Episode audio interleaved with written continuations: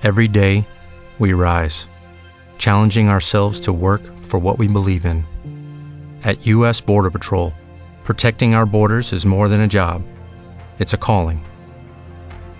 Agents answer the call, working together to keep our country and communities safe. If you're ready for a new mission, join U.S. Border Patrol and go beyond.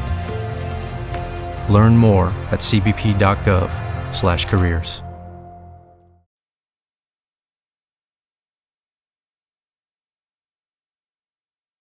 Hola, ¿qué tal? Mi nombre es Héctor García y esta semana eh, hemos tuneado a mi querido Biel para hablar de una de las eh, sagas, digamos, entre comillas, más chonis de la historia del cine, pero que incomprensiblemente me encanta, me apasiona. Eh, ella es, obviamente, la saga Fast and Furious, que estrena su novena película y por ello, pues nos hemos puesto a ver toda la saga entera. Eh, yo ya la había visto, bien había visto algunas cosas y básicamente ahora mismo solo estamos pensando en señores con abdominales a lo bestia, con cuádriceps burros, eh, entre la Eurocopa, la NBA y esto, pues ya no pensamos en otra cosa. Biel, eh, ¿cómo te ha ido el tuning? Te veo ahí con... He puesto ahí las nuevas llantas en el coche, te veo ahí con el nuevo peinado. No, no, esto es perfectísimo. Esto es como volver a mi infancia en el Baix Bregat. Es una cosa magnífica de, de, esta saga, de esta saga que es la Marvel para chonis, casi, porque cada vez es más unas películas de superhéroes eh, sin capas, con coches rápidos y, y casi las mismas historias raras, porque cada vez es más disparatado todo. Y una saga que me había visto algunas entregas así sueltas, pero que esta semana y media última he, he visto ahí las nueve seguidas. Los spin-off no, a estos todavía me quedan, pero he visto ahí las nueve seguidas y es una experiencia única y que se tiene que ver porque son divertidísimas y son muy buenas y va mejor, que es lo difícil, o sea, está yendo a mejor, a mi parecer. Que es una cosa dificilísima después de nueve entregas de una saga que creo que es la saga más, uh, más larga, ¿no? Bueno, la más larga no, pero de, de las más largas que hay. Y ah, bueno, sí. sobre todo, ahora lo hablaremos, pero eh, sobre todo pensando cómo fueron los inicios, era impensable que, que esto pudiera sí, llegar sí, que a, esto. a nueve películas. De hecho, eh, bueno, eh, para comentar la saga, pues tenemos a, a, un fan de la misma, ha estado muchas veces ya con nosotros, él es Pep Prieto. ¿Qué tal, Pep? ¿Cómo estás? Bien, bien. Me, me gusta que me invitéis para hablar de cosas serias. Sí, Showgirls y esto, ¿qué te parece? Showgirls y esto, exacto. Hoy me contaba una amiga que participaba en este podcast y me, han, y me, ha dicho, no somos mismos de Showgirls y he pensado, tengo que revisar mi, mi relación con ellos. No, no, pero a ver, soy muy fan de esta saga. Lo llevo defendiendo desde hace 20 años, o sea que, en fin, será una gran ocasión. Sí, sí, eh, muy a favor. Bueno, Pep le podéis leer en 40.000 sitios, siempre lo repasamos aquí, al final Pep se abruma, pero bueno, sobre todo en Monarracú, Diario de Girona y bueno, en diversos medios, también muchos online. Eh, Pep, ya sé que te trajimos para hablar de Operación Camarón, pero no vamos a hablar de ella, esa película de la que todo el mundo habla, o por lo menos en el mundo Telecinco. Eh, ¿No estáis cansados ya de, de la publicidad esta infame de Operación Camarón. Es como, bueno, no sé si vosotros no sois tan futboleros como yo, no estáis viendo la Eurocopa, pero es cada tres jugadas es tenéis que ir la vuelta al cine, Operación Camarón, es aquello, la tengo incrustada en la cabeza. O sea, es horroroso. Yo tengo que decirte que no la he visto y, y, y mira que yo o, o, miro todo, pero no todavía no, no, se ha dado la ocasión. Pero es verdad que es, es, es muy martilleante, ¿no? La promoción de esta película. Es, me he dado cuenta ¿eh? de esto. Y no miro fútbol, ¿eh? pero me ha hecho falta. Aparece en todos sitios, en el metro, te lo encuentras en, en, en todas partes. Uh -huh. Sí, sí. Vi el, vio el Tyler en el cine y por poco me dice que le da algo hace unos días. Así no, que. No, sí, sí, no, no es, eh, no, no pienso verlo ni cobrando. O sea, me pagaron para verlo, prefería no, no hacerlo. O sea, es que me, es... Eh, ha, ha, sido tanta publicidad y tan, y tan excesiva es que me niego a verlo. Si, si es buena, la veré dentro de cinco años. Ya, ya, ya haremos un review o ahí un clásico, pero. Sí, quinto aniversario no de principios. No, pero yo es lo que dice Pep, yo también veo cualquier cosa, veo, veo, todo, pero hay cosas. A mí me cuesta mucho la comedia española esta, ya me entiendes, en plan canallita o familiar, me cuesta como estas de Santiago Segura, del padre más que uno, que ahora se estrena otra, de un, de un tren, es que me cuestan mucho y ya desisto bastante. Y el rollo, y, solo por la publicidad tan martillante, porque Fast and Furious tiene publicidad, obviamente, pero esto es, es, es criminal. O sea, yo no he visto una cosa igual. Han aprovechado la Eurocopa para hablar de esto y una serie que se llama Doc, o y otra de los relojes del diablo, en plan, Vale. Pero no es Doc la, de, la del padre de Miley Cyrus, ¿eh? Otra, una nueva italiana que no, de la que no tenía referencias. Eh, bueno, vamos ya a hablar de Fast and Furious. Eh, Fast and Furious es una serie, es una serie, iba a decir casi una serie, es una saga de películas creada en 2001 que eh, pues empezó de una manera titubeante, eran películas sobre carreras ilegales en Los Ángeles, coches tuneados, eh, gente malota, tal, pero que a partir de un par de películas que fueron, digamos, semifracasos, eh, pues volvieron a reunir, digamos, a, la, a, la, a los protagonistas principales y a partir de ahí pues se creó una franquicia que no ha parado de dar dinero, cada película es más, es más cara, recauda más dinero y es más espectacular. Y me parece un caso muy raro en lo que es Hollywood, que generalmente las primeras películas pues hacen más dinero y a partir de ahí pues las secuelas ya van cayendo un poquito porque el interés del público se va perdiendo poco a poco. Pero aquí no, aquí ha sido el contrario. También lo hablaremos obviamente de ello. ayudó entre comillas la muerte de Paul Walker porque mucha gente pues como cogió esta saga como, un, como algo emocional que creo que es una cosa que la saga ha hecho muy bien también, eh, como ha tenido, como ha gestionado pues la muerte de, uno de su coprotagonista.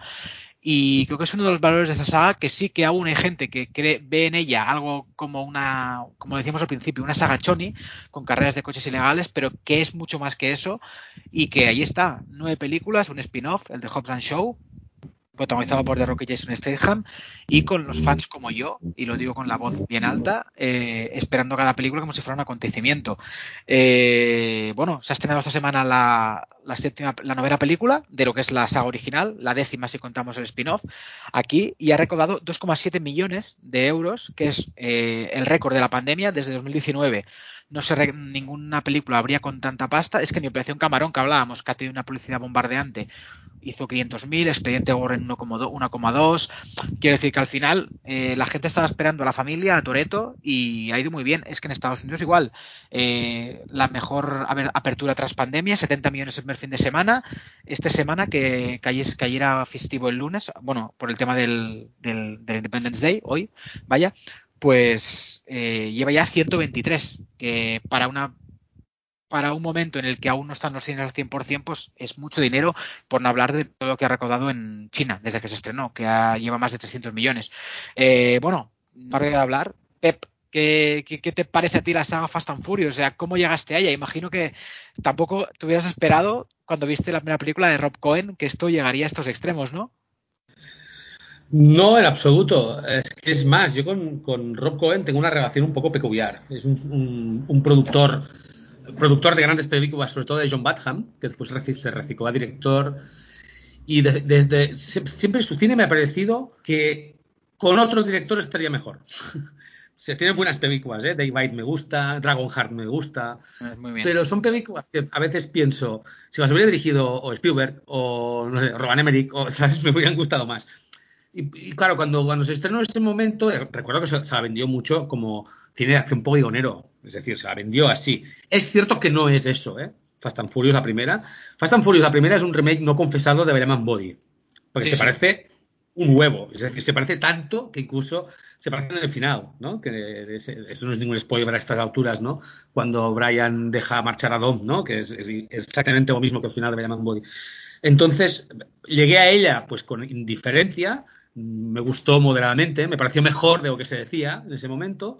Vi a segunda, que era una especie de secueva, ya llegaremos a ella, ¿eh? que, se encargó más para explotar la marca con Paul Walker sin Vin Diesel, etcétera, que prefirió hacer Triple X, con Rob Cohen, precisamente. Y después, la tercera me pasó una cosa muy rara, y es esa película que la gente olvida cuando habla de la saga, pero a mí me parece que es el origen de todo. Es decir, todo lo que hemos visto hasta el día de hoy es gracias a una tercera, donde hay Justin Lin, hay el guionista Chris Morgan, el compositor Brian Tyler, entran todos en esa, y creo que lo que viene después es francamente una saga de acción buenísima, que ah, para mí me gusta siempre compararla con los westerns que veíamos los domingos por la tarde en casa, pero sustituyendo uh, caballos por, por, coches tuneados, ¿no? Son películas divertidísimas, con unos personajes muy bien construidos, que eso se dice poco, y que además tiene ese don de, sentido de la maravilla, ¿no? Es lo más parecido a los James Bond de Roger Moore que se ha hecho. Mm, sí, sí, sí, mm, sí, sí, me gusta la comparación. Es que es lo que dices, es eh, sobre todo, bueno, luego hablaremos, pero ah, la entrada, la entrada de Justin Lin y Chris Morgan en la tercera película cambian, lo cambian todo. Y luego también lo comentaremos, que lo hablábamos tú y ayer, el cameo de, de Vin Diesel al final de la tercera, que eso, digamos, abre la puerta a todo lo que hemos visto. Eh, Biel, ¿A ti cómo llegaste a esta saga? También imagino que la viste como yo, cuando se estrenó en su momento en el cine y te pareció una película sin más y ya está, ¿no? Sí, no, yo la vi en el cine, me, recuerdo incluso donde la vi, que fue en, los cines del Barnasud, en Gabá, que era donde vivía, o sea, eh, ya iba con el ambiente. Muy Fast and Furious, ¿no? Sí. sí, sí, sí, sí, claro, ¿no? Y, y, era la época también, era lo que vivíamos en la época, por así decirlo. Y era, no una película sin más, porque era muy entretenida y estaba muy bien y, pasabas un buen rato. Lo, bueno de esta saga es que pasas un buen rato y, y nunca te cansas. O sea, no, son, no, hay, no hay ninguna de las nueve películas principales que te canses de ella. Que en algún momento digas, oh, qué coñazo, qué me están contando y tal. No, no, es pura acción, coches, eh, violencia, la familia, valores, uh, tiros, eh, persecuciones, eh, buenos, malos, sorpresas, giros porque también están las sorpresas que vamos viendo. O sea, esto no, no sé si podemos hacer spoilers, pero también hay que ver la, la, escena post créditos de la novena y de las últimas. O sea, e, es eso, cada vez más disparatado, cada vez mejor, que es lo que creo, o sea, cada vez más mejor, porque esto ah, generalmente es al contrario, las sagas empiezan muy fuerte y después van ahí arrastrándose un poco. Y innovación, cada película es nueva, o sea, no, no van estirando ahí el chicle eh, como hacen algunos. No, no, cada película intentan hacer algo nuevo, algo mejor, algo más, eh, llevarlo más al límite, saltarte más eh, lo convencional. Y eso también está bien. También los actores, o sea, son actores buenísimos, porque son además muy icónicos, o sea, es esto, todos ahí con triples cuádriceps. ahí todos lo, lo más heterobásico que te puedas encontrar también. O sea, es una cosa que es para pasar el rato, es magnífico. O sea, y verlas de, seguido, yo esto recomiendo verlas de seguido en una misma semana o así, porque eh, vas viendo que va mejor, porque las finales están bien, la época también está bien, pues pues va, es, un, un, creciendo que ahora mm. en las dos últimas que nos quedan, a, ver cómo lo cierran todo. Es que es como una serie. Yo, también me, las he visto. estas, Me las he visto estas últimas dos semanas del tirón. yo las, iba viendo. mismo. Hemos hecho todo lo mismo, porque yo también he visto esta semana todas las sagas. Sí sí. sí, sí, Es que hemos hecho, yo creo que porque yo, es una saga que me gusta, pero las veía en el cine y luego ya no volví a verlas generalmente. Más allá de la, quinta, que me gusta mucho, que sí que la he visto dos o tres veces, me parece una película de acción modélica, pero es una saga que la veía y me lo pasaba bien en el cine, pero la olvidaba hasta que se grababa la siguiente. Pero eh, hay, hay que decir que es que la historia de esta saga es muy curiosa, porque lo hemos comentado un poquito antes, pero la primera película pues tiene cierto éxito, es una película juvenil, con dos estrellas más o menos jóvenes como Vin Diesel y Paul Walker, Jordana Brewster, Michelle Rodríguez, que tenían papeles más pequeños al principio. Una película que ahora es ilegales de acción, que estaba bien, a mí me gusta. Lo que dice Pep, Rob Cohen tampoco es un director que me apasione, pero bueno, era, siempre lo considero un buen artesano de los 90, que tuvo cosas interesantes. Y una película que estaba bien. Luego haces la 2, que Vin Diesel pasa de todo, en plan, no quiero seguir con esto, en plan, se creía un poco en la moda del universo y pues prefiero hacer triple X, como dice Beb, y está de Diablo a Man Apart, otra de estas míticas de la época. Y bueno, y el protagonista es en este caso es Paul Walker y la película para mí es la más floja de la sala con diferencia. Luego la tercera es una cosa muy extraña porque es una especie de spin-off en el que se van, bueno, se van, eh, cambia la acción y básicamente pasa en Tokio con un chico también que está siempre metido en movidas con con carreras callejeras y tal, la relación con su padre y tal. Y a partir de ahí, en la cuarta, de golpe reúnen otra vez a la, a la panda principal, vuelve Vin Diesel, ya que no había tenido ningún éxito más en Hollywood, pues vamos a como era productor aún, pues vamos a volver aquí, eh, vamos a hacer una cuarta película con, digamos que seguía prácticamente lo que era el final de la primera, la segunda y la tercera podían haber desaparecido prácticamente, pero no conformes con eso, la película tuvo medianamente éxito y a partir de aquí es lo que decía antes, eh, cada película fue más grande y tuvo tenido más, y tuvo mucho más éxito. Pero es que hay una cosa que me flipa, que es cómo han conseguido de hasta las películas malas rescatar a varios personajes y meterlos y hacerlos parte de la familia. Porque a mí, sobre todo, cómo han hilado la tercera, que era una cosa que parecía un ente extraño, más allá del cameo de Toreto al final, con las últimas películas, ya en las siete, que es cuando, en la séptima, que es cuando, digamos, entre comillas, muere Han, el personaje, el personaje japonés, que Toreto va allí a, va a Tokio a hablar han salía en la tercera. Han era un tipo que salía en la tercera. Se supone que al final, eh, la escena post créditos, porque es una escena post créditos de la tercera, eh, introduce a Jason Statham, que no lo ves, ¿no? Pero se, se, se, lo montan para que parezca que aquello que has visto en la 3 tenía una continuidad narrativa con el resto. ¿Qué dices? con un ¿Y poco de ahora? también. Y, y- y digamos, o sea, que la 3, digamos, era una especie de fast forward, o sea, la 3, digamos, en el orden natural de las cosas, iba más tarde que la 4, la 5 y la 6. Exacto, decir, exacto, sí. exacto. Exacto, que a mí es lo que me ha sorprendido mucho y recuperar al actor este, a Lucas Black, que tampoco es un actor muy conocido. Él, de hecho, estuve buscando a ver dónde había salido y estaba en Navy, era uno de los actores de Navy. Investigación No, no, y era, y era un niño, el niño del debut de Antonio Banderas en, en la dirección. Esa Ah, el película se llamaba. Locos Sí. Mm. Pues Sí, sí, pues sí, era, era el protagonista. Sí, sí. Ajá. Pero sobre todo a mí me, me fascina cómo lo hilan todo, eh, cómo van recuperando personajes. Han de la cuarta, eh, Gal Gadot también, de, Giselle de la cuarta, eh, Ludacri- eh, Tyrese Gibson y Ludacris de la segunda. Es que en la tercera, bueno, tienes a Lucas Black. En todas las películas han ido rescatando un personaje secundario y lo han hecho luego otro más de la familia. En la séptima, Nathalie Emanuel. O sea, es que es, es alucinante lo, que- lo que han hecho y me parece... Oh. ¿Quién- Sí, perdón, ¿qué hablabas? Por eso digo que me parece eh, Marvel. Porque es eso, van recuperando personajes de diferentes eh, momentos, los van introduciendo y al final es un Avengers. O sea, es, es una película coral. Totalmente, yo estoy de acuerdo, ¿eh? y por ejemplo, a mí me fascina esto que decías, Héctor, de, de que cogen tramas aparentemente superfluas de otras entregas que son menores. La segunda, que estamos todos de acuerdo que es la peor, ¿no? Pero ahí es donde introducen a Tyrese Gibson, que acaba siendo uno de los puntales de la saga. Sí, Roman. Y, y- es- es más, Roman solo existía en la saga en tanto que amigo de Brian. Yo Sí. creo que tiene mucho mérito que han hecho desde sobrevivir a la muerte de Paul Walker como han hecho, que es, una- es increíble, ¿no? Ya no solo por la manera que me dijeron adiós en la vida, pero no en la ficción, que esto me parece ah, de genio lo que han hecho con este tema, ah, porque el final de la séptima yo creo que es uno de los momentos más emocionantes que he visto en una pantalla. Es Sí, sí, muy de acuerdo. rom- romper la cuarta pared, hacer consciente al espectador que un actor ha muerto y hacer esa metáfora visual de los coches que van por dos caminos diferentes que me pareció espléndida. Hay que decir que la séptima tiene otra anomalía y es que es del director James Wan. Sí. Que esto yo creo que es, el eh, es la película más taquillera de toda la saga y creo que es porque es la mejor, sinceramente. Creo que es una película única en todos y los porque aspectos. también y, ta- y también porque ver, influyó también como pasó con el Caballero Oscuro que la muerte del protagonista había sido muy reciente y era como todos sabíamos que era el último trabajo y seguramente mucha gente también se acercó por eso además de que es muy buena ¿eh? por supuesto pero yo creo que sí que influyó también eso Pep Sí, seguro, seguro que influyó, pero, pero, pero eh, en todo caso, creo que es una película con un estilo muy concreto. Por ejemplo, te, te voy, te voy- te voy- te voy a citar un- un- una solución narrativa que me parece extraordinaria, por ejemplo, ¿no? Que es esa idea de convertir a Jason Statham en un mago que aparece de forma omnisciente. Si fijas, están en Abu Dhabi y aparece Jason Statham abriéndose un ascensor. Están en medio de una montaña no sé dónde y aparece Jason Statham con un coche para perseguirles. Lo que me encanta de esa película es que prácticamente es de Jack. Es decir, todo, todo sucede sin, sin sentido de la lógica del espacio y del tiempo, pero en cambio te mete muy dentro de las escenas. Es absolutamente bestial lo que consigue todo el rato. Y dura dos horas y media. Es, es una, una Sí, sí, bestialidad. Ese momento, ese momento que Statham y Toretto se pelean con, con dos martillos gigantes, que me parece un momentazo brutal.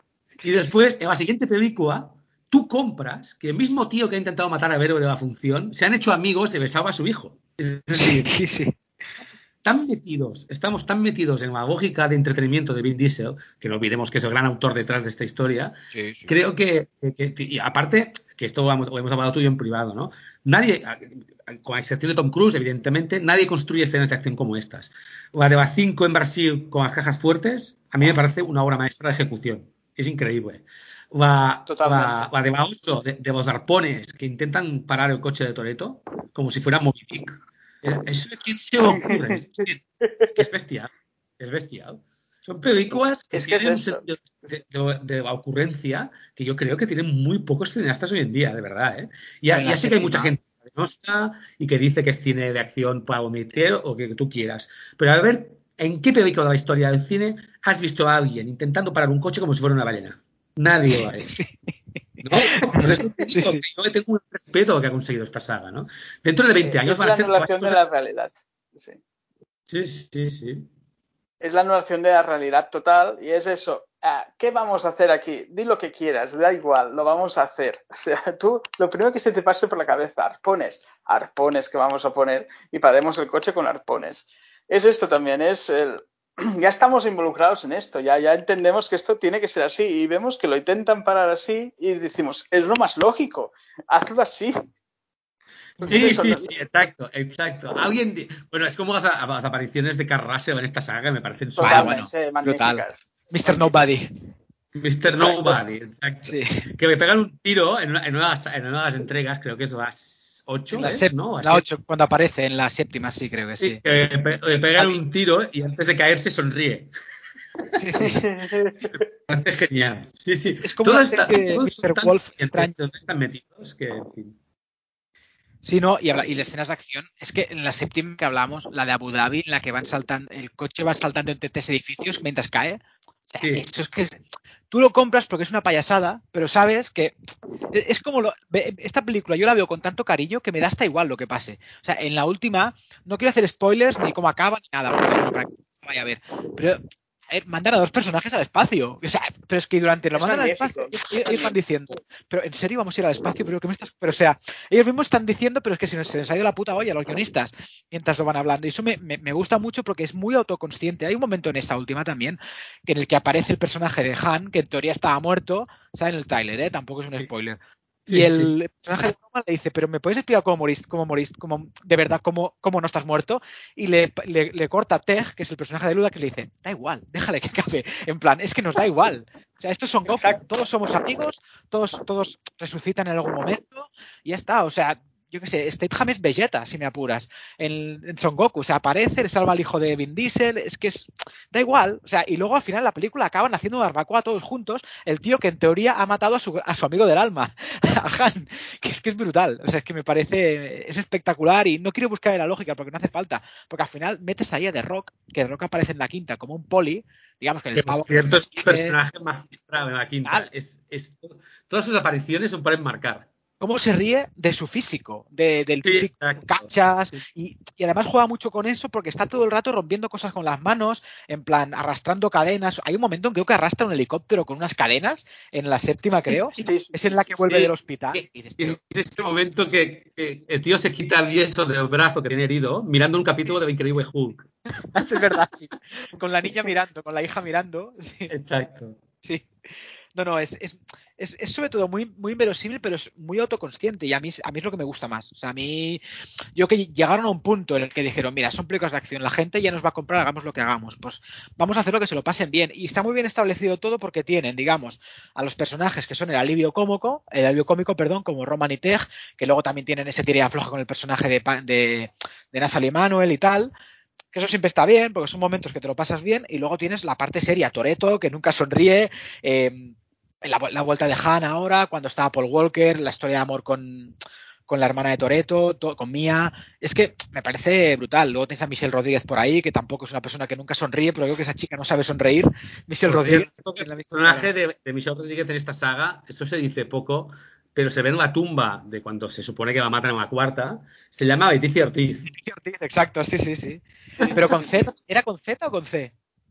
Era con, era con C. Pero igualmente la coincidencia me, me, me por de risa. Leticia Ortiz. Eso es en, la 8, cuando al principio ella hace ver como que se va, que no puede seguir ahí con, con tal. Sí, es una que empieza que ella va a visitar su tumba porque en teoría está muerta, que ha perdido la. Sí, sí, es, es, es que son muchas cosas y, sobre todo que cuando la ves cuando las ves seguidas vas viendo que todo tiene un sentido que no es eh, que, que, no lo hacen por todo hacerlo está controlado Exacto, y es muy importante. está controlado. Esto es como las telenovelas venezolanas, porque al final tiene un poco de telenovela venezolana también, de que pasan 10.000 cosas con 10.000 personajes, vuelven personajes de hace dos temporadas, uh, hay líos entre todos, se perdonan, se vuelven a pelear, uno mata a uno, uh, y después empieza a haber ahí una cascada de gente muerta, o no, y resucitan, y o estaban de viaje, y es esto, es también es esto, es, eh, es que lo tiene todo, es tiene cómico, telenovela venezolana, superhéroes, acción, coches. Eh, es, es, una saga completísima. Son superhéroes sin poderes. Es que eh, empezamos, empezamos con gente que básicamente vivía al margen de la ley, que hacían carreras clandestinas, luego básicamente pasan a ser los criminales más buscados de prácticamente del mundo, y luego al final acaban siendo gente que contrata, digamos, eh, agencias gubernamentales secretas para salvar el mundo. Porque es que es tal cual, salvar el mundo de pavos que quieren destruirlo con virus, con bombas nucleares, porque es que es eso, es que son Jack Bauer.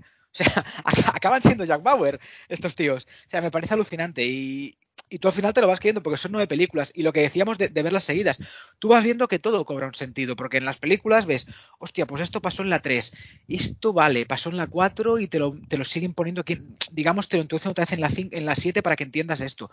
Y me parece que está muy bien controlado todo, muy importante, como decía Pep, la entrada de Chris Morgan, que es el guionista de la mayoría de las películas a partir de la, a partir de la tercera, y sobre todo de Justin Lin, que es un director que más allá de Fast and Furious solo ha hecho Star Trek, la Beyond, que quizá para mí de las tres es la peor, la que no dirigía Abrams, que es la última que hicieron con Chris Pine y. y aunque todavía aguanta bien el tipo, ¿eh? creo yo. Sí, aguanta el tipo. Sí, pero no es tan buena como las de Abrams. Pero es un tío que las escenas de acción están súper bien filmadas, o sea, y, además se le nota una lógica y, sabe hacerlo. Y, estoy seguro que en la, en la cuarta, cuando hacen la reunión, no tenía tanto presupuesto como, como en la quinta. Y la cuarta, al principio, la, la, persecución que hay en la carretera, con Michelle Rodríguez y con, y con Toreto, es brutal. O sea, parece espectacular. en México, creo, en República Dominicana, no, no recuerdo. Es que tiene, cada entrega tiene al menos dos o tres escenas para recordar. Uh, las seis tiene esa persecución por Londres con esos coches especiales que provocan que los coches salgan disparados por el aire, que es, que es bestial. Y tiene ese gag absolutamente memorable de que se dan cuenta de que el equipo de los magos son la equivalencia de los mismos. Sí, sí, sí, sí. Exacto. Hay un negro, un rubio, un... Yo creo que tiene cada cosa que, que de verdad que juega muy bien con su propio cliché. Sabe perfectamente qué tipo de cine es y actúa en consecuencia. Pero, por ejemplo, esto del espacio que, decías, a mí lo que me gustó mucho, antes comentábamos Roger Moore, pero esto es Moonraker puro. Sí. Todo lo que ha hecho con la última. La última es decir, oye tú, nos falta solo hacer que, que vuelvan los coches y los coches vuelan. Es que eso es lo único que me Sí. Es decir, y yo, creo que es un gogazo haber metido a John Cena en esta película. Sí, fíjate que a mí John Cena, porque los villanos, es que es decir, bueno, llevamos una época de villanos en Fast and Furious. En la quinta no es villano, pero es el que los persigue porque los villanos en teoría son ellos. Metes a The Rock. en la sexta, quizás un poquito más flojo, Luke Evans, pero te sirve de entrada para Jason Statham en la séptima. Que es que además me parece brutal que ya tengan planeado siempre lo que será la siguiente película y que en la escena post créditos te metan al villano o lo que, o lo que puede pasar. Porque el final de la sexta con Jason Statham ahí en Tokio asesinando, entre comillas, a Han es brutal. Tú sales de la película pensando. Y, esa escena que que se recuerda poco, pero se ve, creo que es en la escena post créditos de la séptima, aparece Eva Méndez, en lo que debe ser, debe ser, su última aparición cinematográfica. En la sexta o en la séptima, sí, le da unos papeles a The Rock, sí. Exacto, que es el personaje de la segunda, ¿no? La, gente encubierta de la segunda. Y que lo hacen muy bien, saben retener a sus estrellas en esta saga. Porque son, claro, son, todo peotazos que tienen, ¿eh? Incluso los magos, porque sé, el, mago, el, mago, de parte es Ortiz, que es un tío que, que se han visto series como Togetherness, es un actor fantástico. Ah, cada, película tiene unos cuantos actores de, de, gran calibre, ¿no? Eh, yo creo que The Statham es de otro planeta en esta saga, ¿eh? es decir, se come la saga. Es, increíble lo que consigue ese, ese, momento con su madre. Tiene cosas, el personaje que subieron dar un muy buen tono. Y es una lástima si es verdad. Esa, yo, yo, no me lo creo, ¿eh? Pero es, ese rollo de que Dwayne Johnson y Vin Diesel no se llevan bien y que por eso. Yo creo que hay más marketing aquí que otra cosa. Pero, pero es una lástima que no vuelva Dwayne Johnson a la saga de momento. Bueno, yo creo que. Yo espero que, creo que... todos a la última. Pero esta no volvió, creo, porque estaban rodando Hobbs and Show y no pudieron, imagino. ¿eh? Yo quiero pensar que fue por eso. Más allá de lo que puedes decir del marketing, que también puede ser, que a lo mejor hubo un pique en plan duelo de gallitos de ego, puede ser, porque al final aquí The Rock es una superestrella, es el cabeza de cartel siempre, y aquí Vin Diesel, digamos, la, la saga suya y puede ser entendible, porque al final son dos egos muy fuertes y, tal. Pero yo creo que sí que puede volver para la décima. Porque además es eso, ya, ya rodaron Hobson Show. Es que esta película tenía que haberse estado el año pasado, lo que por el tema de la pandemia se ha estado un año. Pero quiero decir, que seguramente los rodajes estuvieron muy juntos y The Rock tiene mil cosas. Es que están mil sagas de Rock. sí, todas. Por eso, ahora va a empezar esta de. Solo le falta rodar con Almodóvar. Bueno, con Tilda Swinton y The Rock, estaría bien. Estaría bien. Su próxima película. Pero, pero sí que en la octava metes a Charlize Theron, que luego la mantienes también en la novena, que al final también sigue siendo la gran villana de la película, por más que esté. Y, que bien se lo pasa, ¿eh? Se, mucho, nota, se lo pasa mucho. Mucho, mucho. Y Helen Mirren. Helen Mirren es en plan, la contrato en la, en la octava para ser la madre de estos dos, de Jason Statham y de Luke Evans vamos a hacer cuatro coñitas. Pero es que en la novena, mira, te voy a dar una escena de persecución por las calles de Londres con Toreto al lado. Es en plan, pues esta señora solamente le habrán pagado una pasta eh, bastante, bastante buena y dirá, pues voy a hacer voy a pasármelo bien en el cine. Y me parece brutal, porque además a mí me gusta ver una escena que no tiene ningún sentido, pero da igual, con Helen Mirren conduciendo por las calles de Londres viniendo de robar una joyería, con Toreto al lado. Me encanta. A mí, a mí me das eso y ya me das la vida. Sí, sí, no, no, tiene, tiene, bueno, aparte, antes he sabido su nombre, pero tienen, ah, esta, la cuarta es la película que descubrió Gal Gadot para el mundo. Sí, exacto. Es decir, si, si no, tiene un papel, por, por cierto, un papel que, que, sabía aprovechar muy bien, pero un personaje así, muy, muy James Bond también, ¿no? Esa maga pero buena, pero buena, pero maga, ¿no? Y, creo que ellos han sabido, saben que su fan quiere una cosa muy concreta. Y sí que se permite el lujo a veces de meter otras cosas, ¿eh? Porque es lo que decía bien, sorpresas, giros. ¿Estás tan preparado para esto? Ese es el concepto mismo de esta saga. Y yo también creo que prepararon un fin de fiesta grande, ¿eh? Explicamos la teoría que tenemos, Pep. Explicamos la teoría que tenemos con Galgadot. Cuenta, cuenta, hombre, sí. Venga, a ver, a ver si Biel está de acuerdo. Bueno, ayer hablaba con Pep y decíamos que, bueno, Galgadot muere en la sexta película, pero en ningún momento vemos cadáver. Vemos como cae desde un coche, digamos, hasta cae por un acantilado, tal, no recuerdo, pero bueno, una carretera que se está abriendo porque la acaban de destrozar. Y tenemos en aquel momento, claro, Gadot no era, no era conocida, era una actriz pues bastante desconocida, pero claro, luego ya vino Wonder Woman. Es en plan, y sigue Gal Gadot la ponen en la décima como la gran villana, porque también hay que pensar que han recuperado a Han en esta película. Eh, yo, creo que no es, de... creo que no es casual. Yo creo que no es casual que recuperen justamente a Han, ¿eh? Para la novena. Es una estrella, Gal Gadot ahora. Puede ser una gran villana que venda también como villana. Es que por eso, tendría mucho sentido, ¿eh? Y, y sobre todo porque además cierras el círculo de la familia porque lo hablamos, la familia es lo más importante aquí. Eh, Exacto. Y, cierras el círculo. Estoy bastante de acuerdo eh, con esto, que puede ser. Es que sí, sí, porque es cierto que la, que la, familia es lo más importante y como en toda buena telenovela venezolana no hay nadie que se mantenga muerto muchas temporadas. Exacto. O sea, es que yo espero que vuelvan todos, o sea, yo espero que en las que en la última cosa, en el último acto, estén todos, la mayoría y que sea una cosa hipercoral que dure tres o cuatro horas si hace falta y que sea la, la explosión última ya.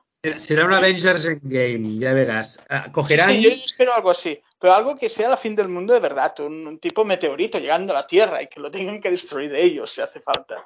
Es que quiero algo lo grande. Yo creo que el argumento, el argumento de la última película, porque la, décima va a ser la última, ya, ya se dijo hace dos o tres películas, yo creo que en, en esa el eje central va a ser el personaje de Gal estoy bastante seguro.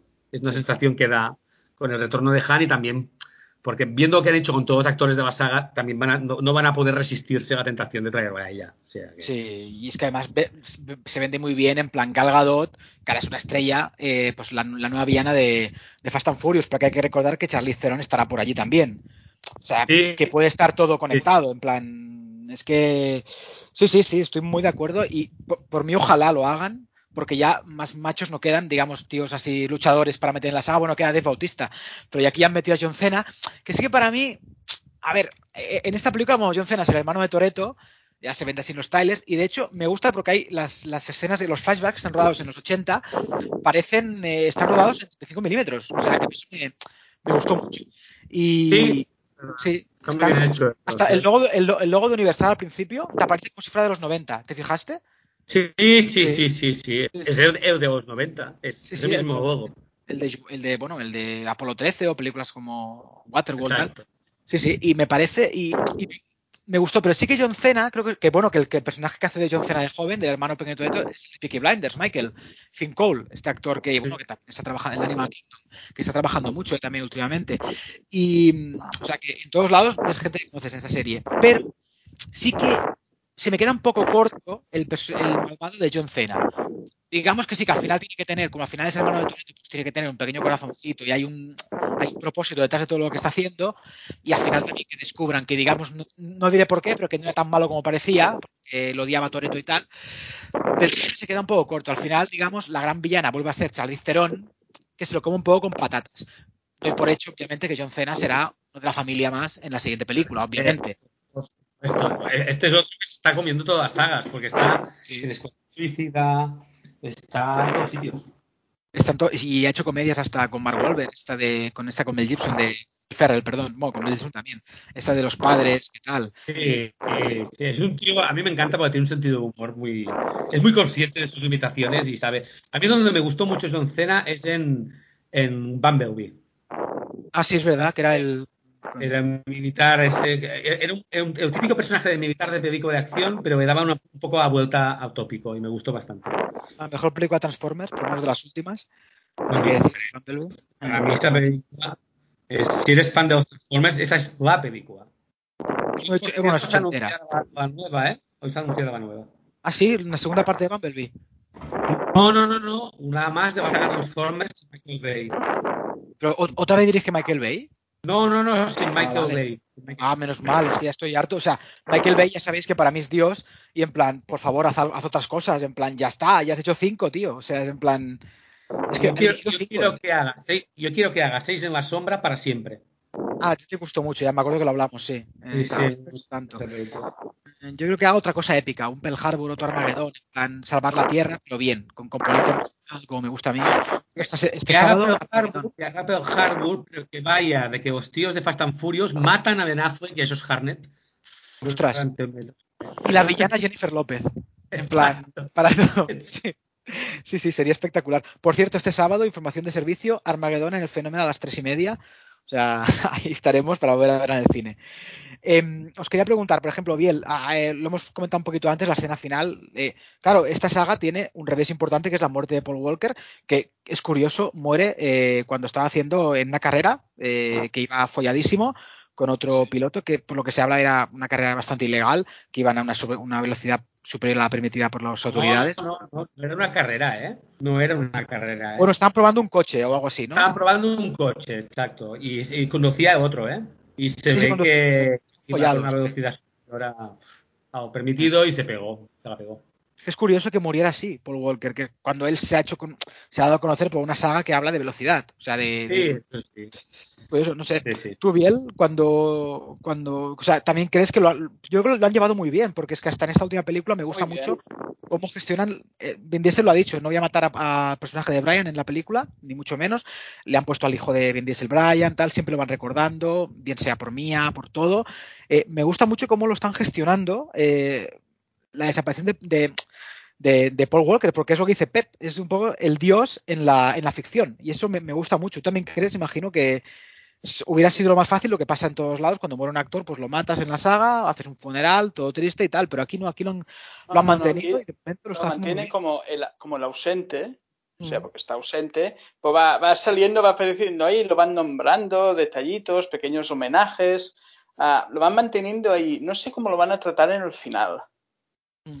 No sé si lo van a introducir con tecnología o recuperando cosas o, alguna cosita así, ni aunque sea en la escena ahí última, ¿sabes? O sea, Los en- hermanos en, la ¿no? que última... hicieron en la 7, que pusieron a los hermanos, como él ya, digamos, él no pudo Exacto. acabar de rodarla y pusieron con CGI la cara, Exacto, en la cara en el cuerpo de los hermanos. Mm. Exacto, alguna cosa así para la última escena, la última barbacoa, por así decirlo. Sí, No, no, pero yo creo que lo mantienen por esto también, porque es esto lo más fácil, hubiera sido, lo matas, pasa cualquier cosa y ya está. Y no, lo van manteniendo ahí, que te- está a punto de llegar, que si tal, que si cual. Y es una cosa bonita también. O sea, yo creo que lo han llevado muy bien, los pequeños homenajes que van saliendo están bien y con mucho cariño. Es una saga que se ve que se, que se trata con cariño. Los Sí. actores, los guionistas, los directores tratan la saga con cariño, la tratan bien. Es, esto también. eh, sí, sí, es esto, es, un, es una familia. Es una familia, ellos venden la familia, la familia, de family, de family. Pero sí que es verdad que lo tratan así.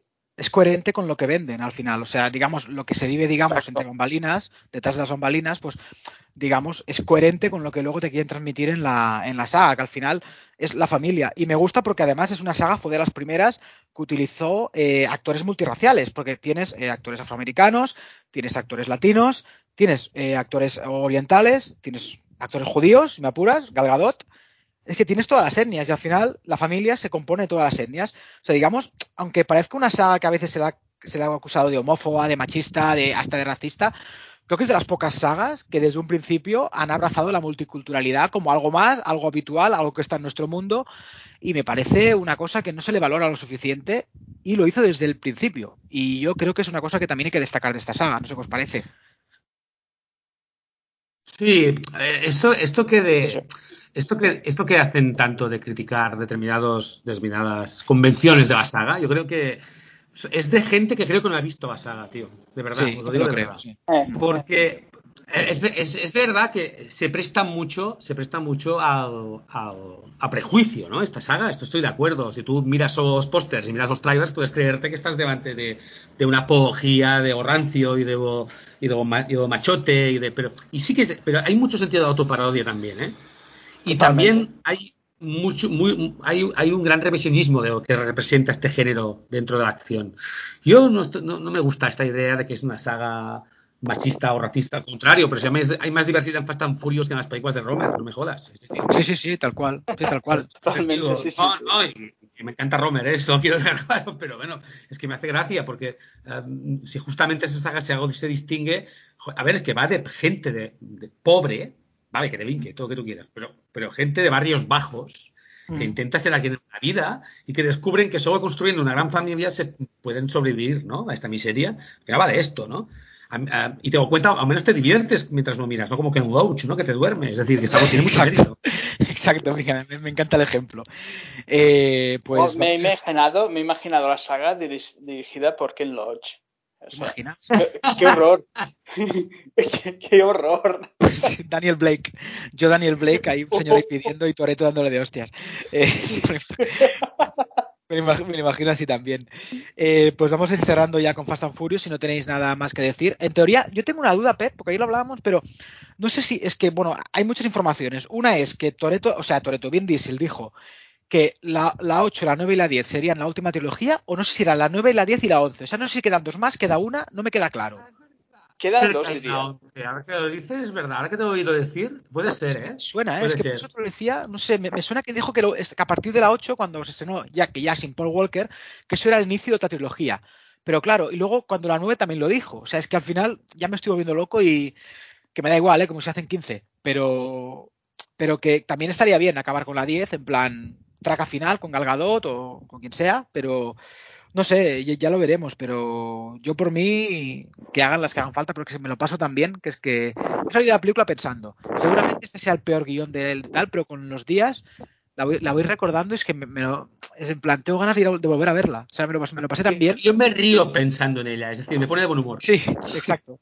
Es muy importante, porque es una película de acción que te pone muy de buen humor. Y he de decir que películas como la quinta y la séptima, o sea, Tokio, ay, Tok- ay, Tokio, perdón, eh, Fast Five y Fast and Furious 7, Furious 7 se llamaba, vaya, en original, para mí son dos películas de acción espectaculares que están a la altura de las mejores películas de acción de la historia, te diría, ¿eh? o sea, en, todos los sentidos. Me parecen películas que, vamos, son blockbusters modélicos. Y, y esas aún duran dos horas. Sí que a partir de la octava ya nos fuimos a las dos horas y media casi, como en esta última. Y bueno, bueno, ah, también os quiero preguntar, ¿os, gustó Hobbs and Show? Sé que a ti bastante, ¿no, Pep? A mí, a mí bastante tirando a mucho, es decir, me parece la puesta al día de un modelo armaditado, eh, también muy autoconsciente, creo que preserva muy bien la- las, señas de identidad de la saga. Ta- eh, tienen, tienen ellos una química fantástica, Statham y Johnson. Me encanta cómo Vanessa Kirby se introduce en ese imaginario y cómo coge Dwayne Johnson a sus amiguitos y los va metiendo en personajes súper chorras, ¿no? A Kevin Sí. Hart, a Ryan Reynolds. Y es, es una película que a mí, a mí me, me parece muy divertida, pero sobre todo lo que me encanta es esa idea que tiene de, de ese sentido de la diversión, ¿no? Tan, tan exagerado que tiene, ¿no?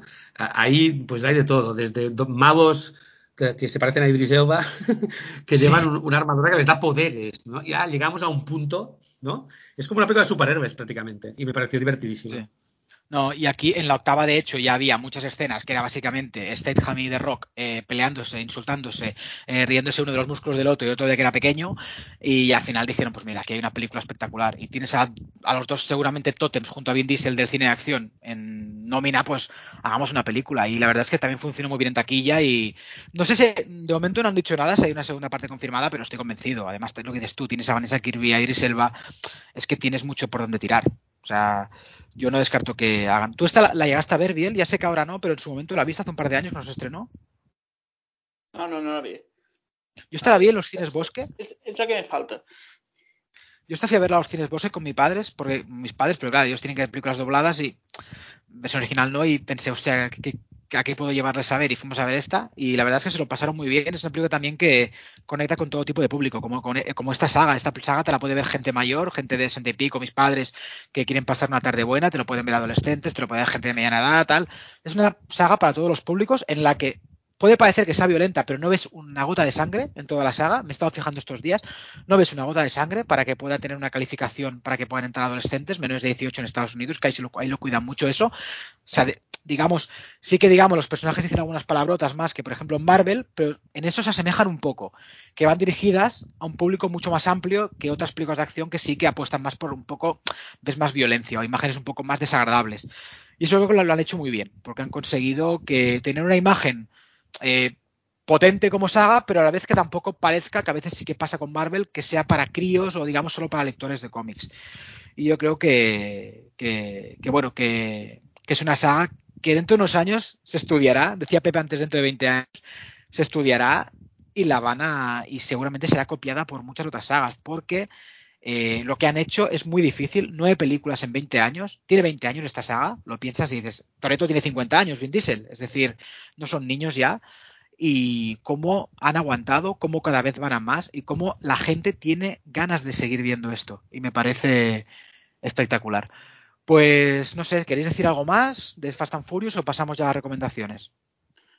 Yo creo que ya, ya lo hemos dicho, creo que ya lo hemos dicho todo que es una gran saga, que vayan a verla, que van a pasar muy buen rato, que es una cosa que es muy necesaria.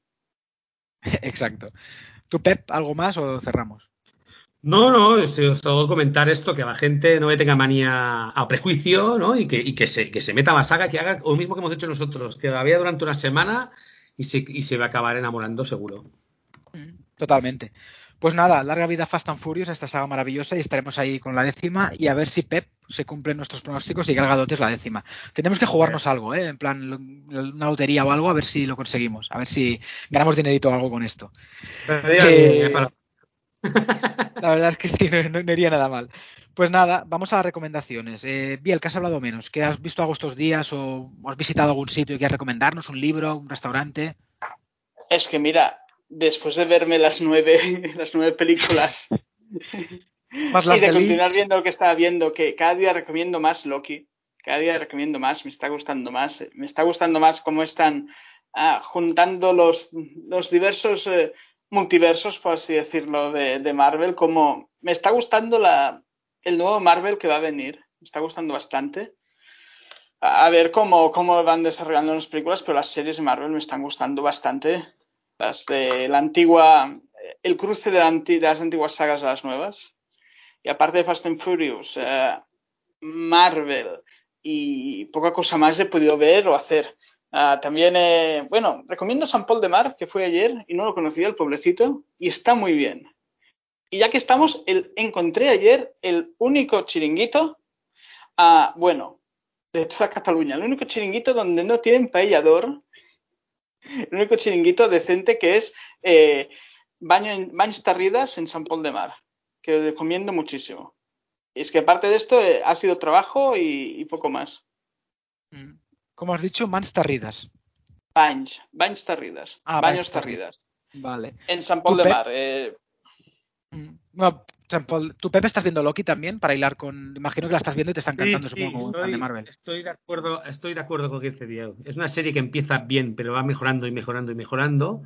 Y creo que lo mejor que tiene es imaginar lo que vendrá. Eh, consigue situarte en un universo en el cual quieres ver más y más, y esto tiene mucho mérito. Es el, es el Doctor Who de Marvel esta serie, para mí. Sí, total, también, totalmente, totalmente. Bebe mucho de Doctor Who, en parte también.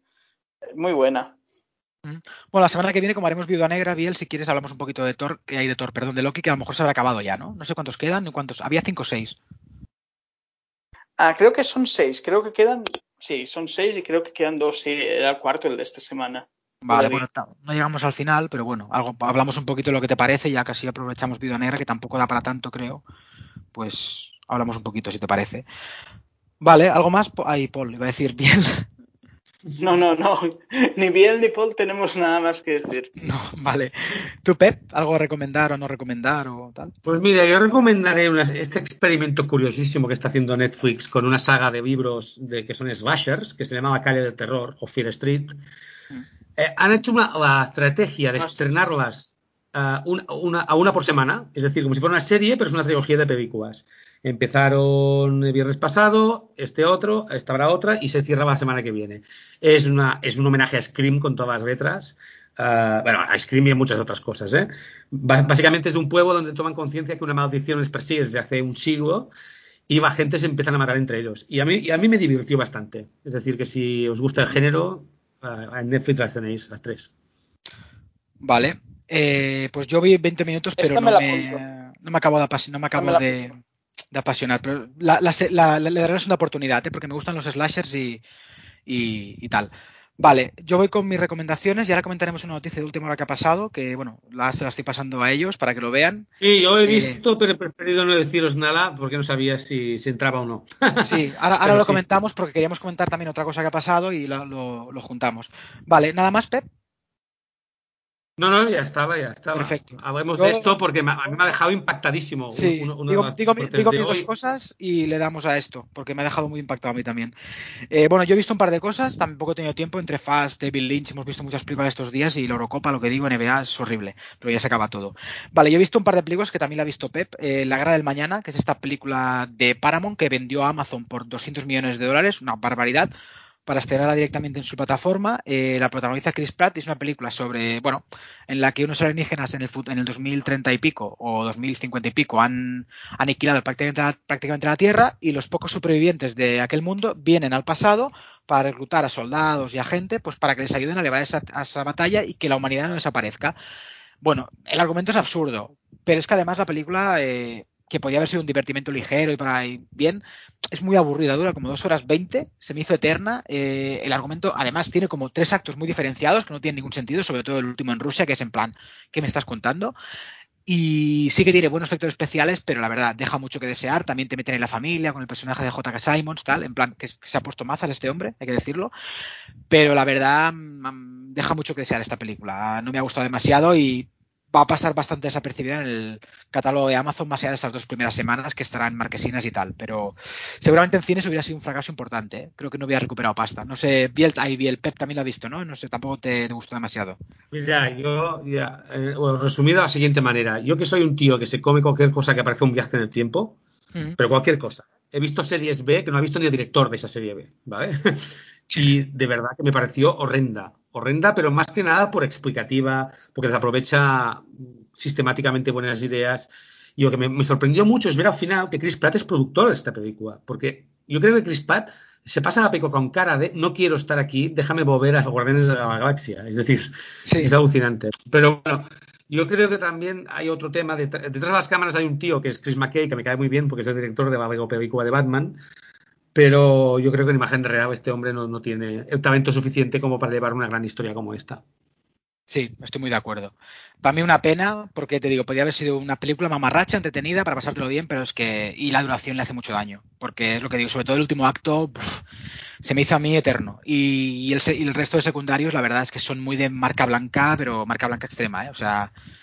Pero bueno, y la otra que vi fue, pero que me hace ilusión comentarlo porque es D'Artagnan y los tres mosqueperros, la serie esta de Claudio Bierboyd, de, de, mi infancia, de nuestra infancia vaya, pues han hecho una película ahora con el mismo, con también creada por Claudio Bierboyd, en animación ya digital. A mí la fui a ver con cierta ilusión, porque tengo muy buen recuerdo de estos dibujos, pero es que es extremadamente infantil. No recuerdo si los dibujos duran tanto. No, no. no tanto, ¿no? Mira, yo la vi hace poco, ¿eh? La vi hace poco. Y y la verdad es que, a ver, técnicamente ha envejecido fatal. Me, parece muy mal que una gata sea la de la historia, pero son cosas mías.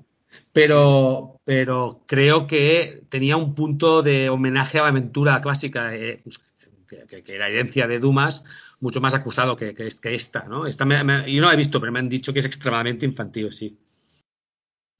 Sí, sí, no, muy infantil. Eh, se estrena 20 de agosto, pero bueno, si tenéis niños pequeños, id a verla, pero si no, huid. O sea, no vayáis por nostalgia porque hasta os queda un poco de, digamos, de mal recuerdo de la, de la serie cuando no era, no era así.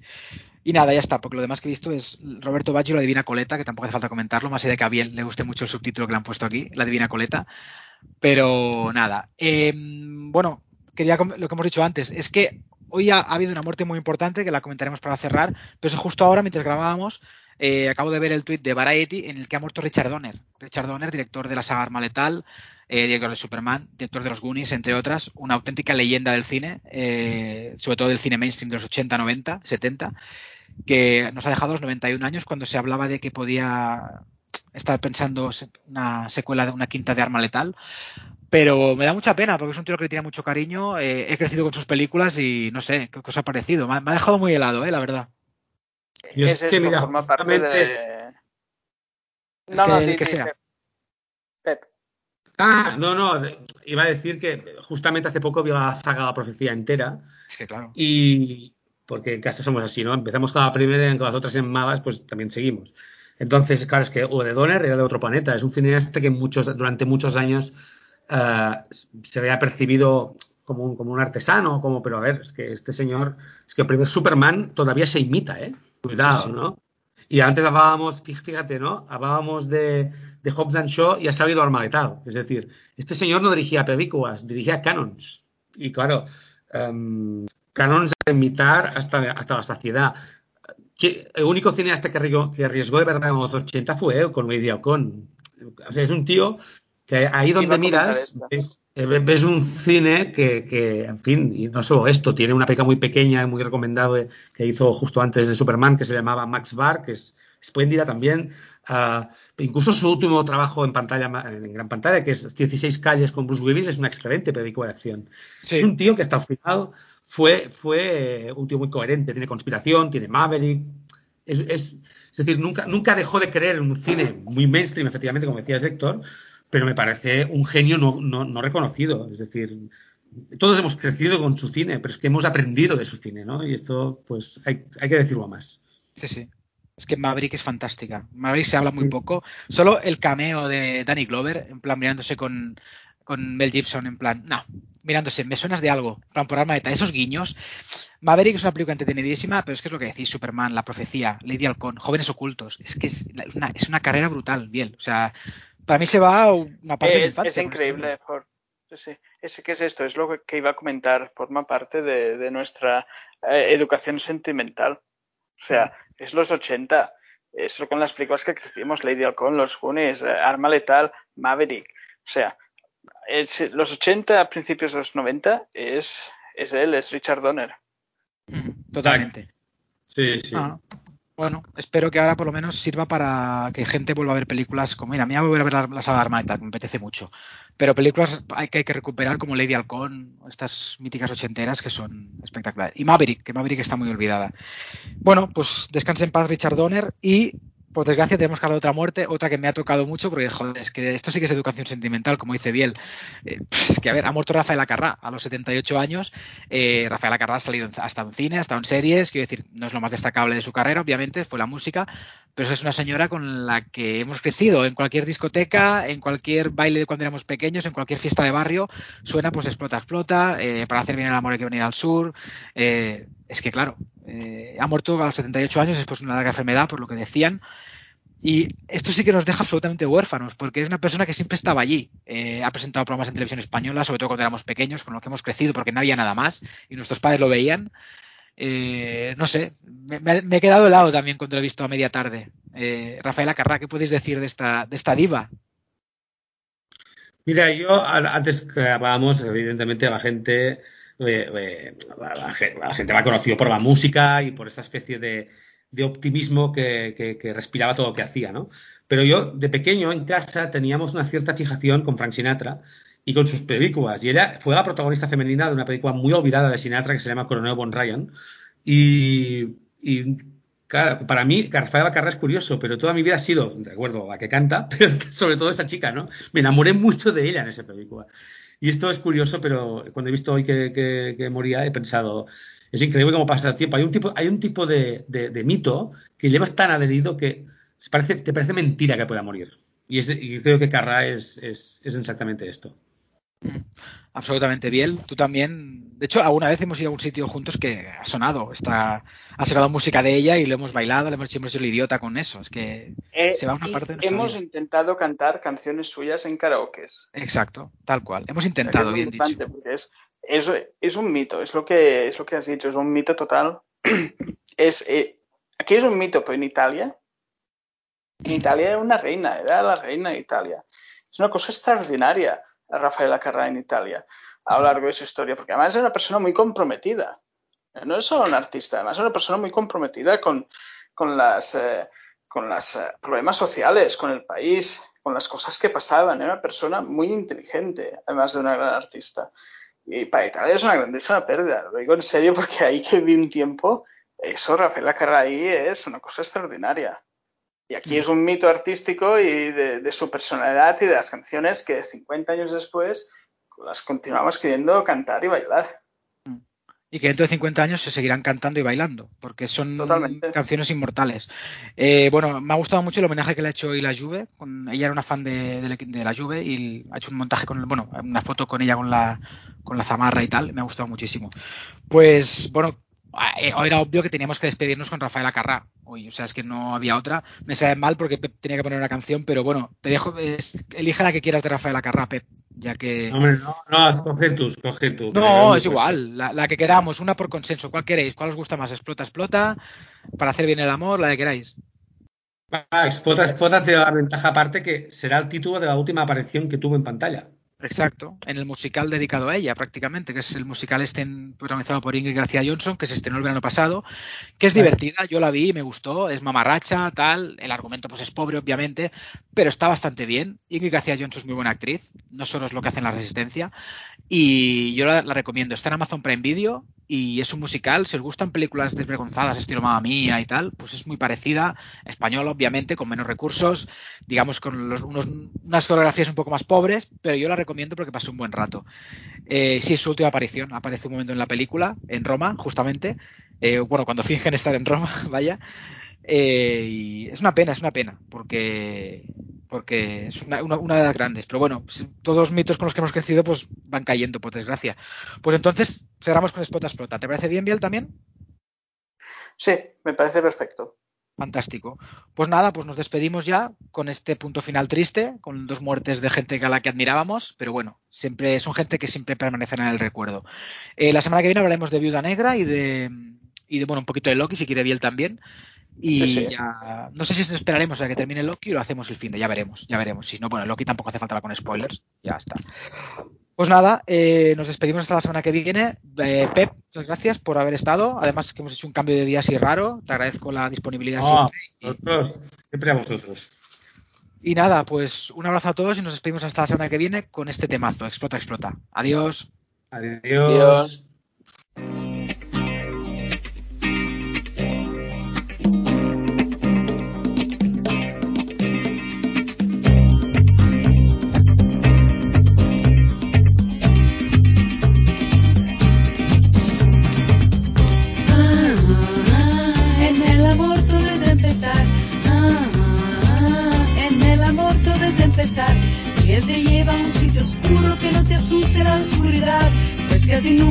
seguro si es por amor o por algo más. En el amor todo es empezar. En el amor todo es empezar. Si tú notaras que es un tormento y no se acaba de decidir, para ayudarle es el momento de que enseguida le des el sí. Explota, explota.